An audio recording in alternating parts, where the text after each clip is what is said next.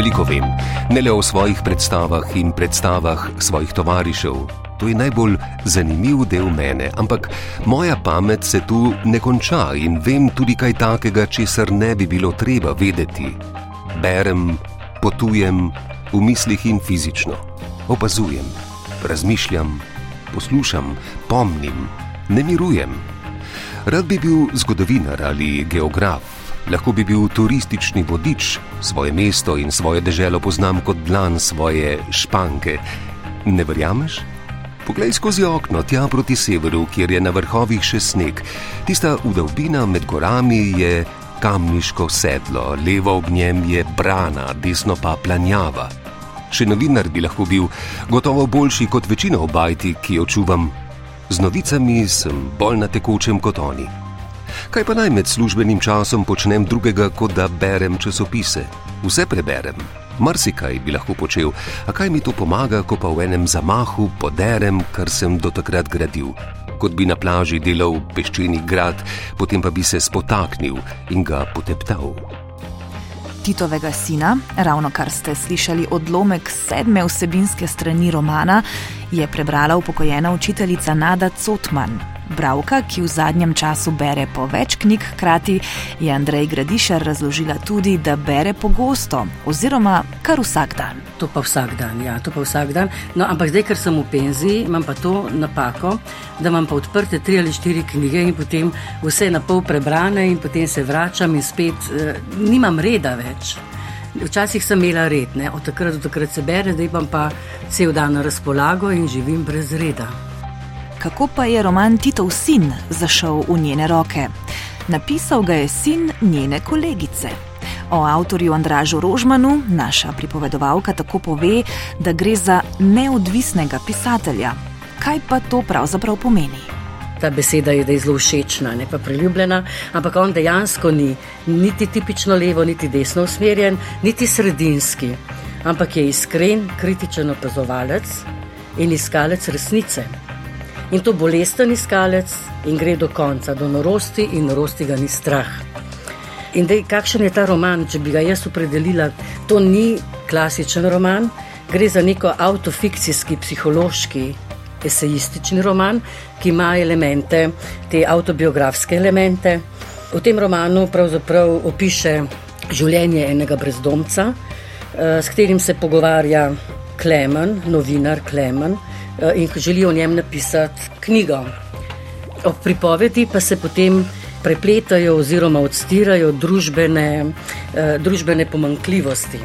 In motivi v tej knjigi so izredno aktualni, še posebej se razkrivajo resnice, vzroki in pa posledice trenutne politične in družbene scene v Sloveniji, za katero sem jaz prepričana, da se Andraš niti ne zaveda, niti se ni želel dotakniti, ampak ker je iskren iskalec resnice, se to enostavno zgodi. In to je tisto, kar je mene nagovorilo in pa navdušilo nad to knjigo.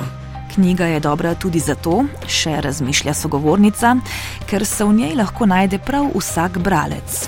Delo namreč ne odstira zgolj notranjega sveta obeh protagonistov, novinarja in brezdomca, ampak notranji svet vsakega posameznika. Ker vsak poprečen inteligenten človek, ki svoje življenje uh, jemlje resno, je neke vrste psihoanalitik, analizira sebe, druge in pa svet, v katerem živi. Uh, in ko ti bereš to knjigo, točno veš, da ne gre zgolj za uh, špekulacijo, za neko fikcijo, ampak da je to. Tisti nujen izliv pristnega doživetega, čutnega, ki privre kot nek neusahljiv vulkan iz same srčike biti.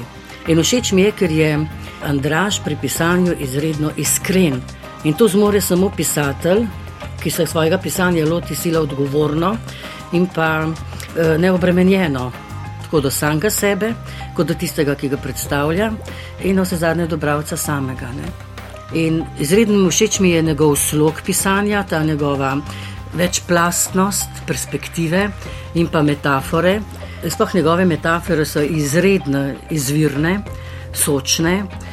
In to niso metafore, ki bi bile obrtniško skovane, ki bi bile načrtno delane, ampak so reki res tisti nujen izliv tistega izrazni, uh, izrazni pripomoček, kot rečemo strokovno, da izrazi tisto, kar on s tem uh, danim besednim ustrojem ne more izraziti ali pa obesediti. In dobrega pisatelja spoznaš enostavno tako, kot spoznaš dobrega igralca.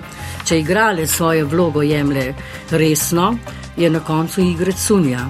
Če pa ne, je pa izumetničen. Enako je s pisateljem. Pisatelj se mora v ta lik, ki ga opisuje, uživeti. Pa ne samo uživeti, se mora potopiti vanga in to prav gotovo potem tudi ne ostane brez posledic.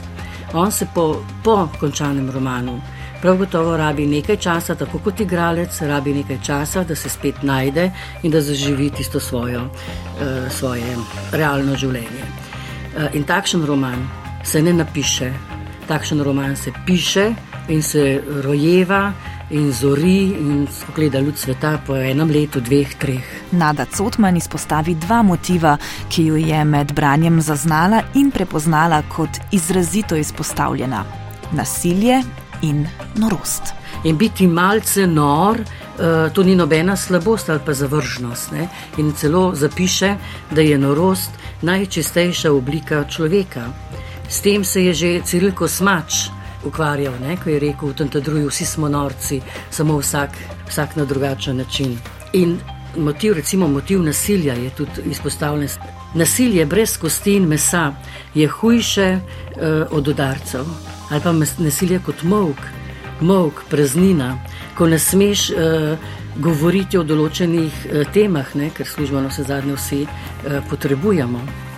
Pa so recimo ta aktualna vprašanja, pa dejstva, da so novinari v službi resnice, da je to ena največjih zablod, eh, v kateri zdaj živimo. Da so mediji v službi politike in kapitala. Eh, dejstvo, da že 40 let potem, ko po celi Evropi zapirajo psihiatrične ustanove, pri nas še vedno uporabljamo inzulinsko terapijo oziroma eh, elektrošok. Ali pa recimo se dotakne celo tega, tehniki družbenih resnic, ki so zavite v celofan, pa so videti mogoče zelo, zelo plemenite, kot so naprimer eh, družbeno, eh, kakšni družbeno angažirani eh, projekti.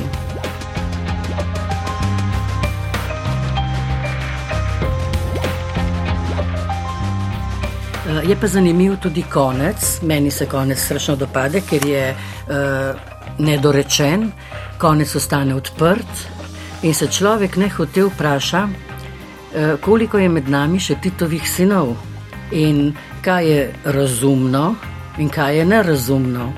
Eh, le v gledalo moraš dati pred obraz in ne bomo več sovražili to, kar ni takšno, kot smo mi. To sporočilo na koncu ima toliko večjo vrednost, ker ga lahko beremo kot palindrom, ki ima enako vsebino, če ga beremo sporočilo, če ga beremo z leve ali pa z desne. In mislim, da se Andraš sploh ne zaveda, kako aktualen roman je napisal. Iz vaših besed sem razbrala, da gre za zelo dobro uživetje oziroma dober upis tega notranjega sveta obeh glavnih protagonistov. Ja, se ravno to je tisto, kar pritegne človeka, bralca. Ampak zanimivo je, ne, da v tem klemnu, klemen je ta uh, novinar, v tem klemnu je Andraš uh, dodal tudi nekaj svojih avtobiografskih izkušenj. Ne. Ja, in v tem, ravno v tem notranjem svetu, ne, ker notranji svet je tisti, tista bit, tista srčika vsakega človeka, do katere se iz, jo začutiš in jo spoznaš, če si iskren. In tukaj te Andraš enostavno prisili, da postaješ iskren človek. Ne? In ravno to je tista naj, največja vrednost tega romana, ta iskrenost do sebe in do bravca. Lahko morda še kratko pojasnilo naslova Titov sin, zakaj? Ja, to je povezano z identiteto, ne? ker ta brezdomec se pravzaprav išče svojo identiteto in večkrat pove, da je on pravzaprav najbrž Titov sin in potem to razkriva na sredi romana, eh, celo da je to samo njegova zabloda, schizofrena mogoče, ampak na koncu te pa eh, pisatelj celo tako obrne, ja, morda je pa res. in se sprašuješ, ne? Ja. Komu priporočate to knjigo? Ja, absolutno odraslim, to ni mladinsko, to ni mladinska knjiga, to lahko bere odrasel človek, zreli odrasli bravci. No? E, drugače je pretežko branje to. Sicer je pa ta knjiga izredno berljiva, je izredno berljiva in teče, ne? te potegne, te vsrka in jo, jo prebereš na, lahko tudi na, na dah. Ne. Čeprav se pa potem, ne, ko jo enkrat prebereš, ko rečeš wow, se potem mogoče vračaš na določene motive, ki jih spet predeluješ samo sebi. Ne. Je knjiga vredna branja.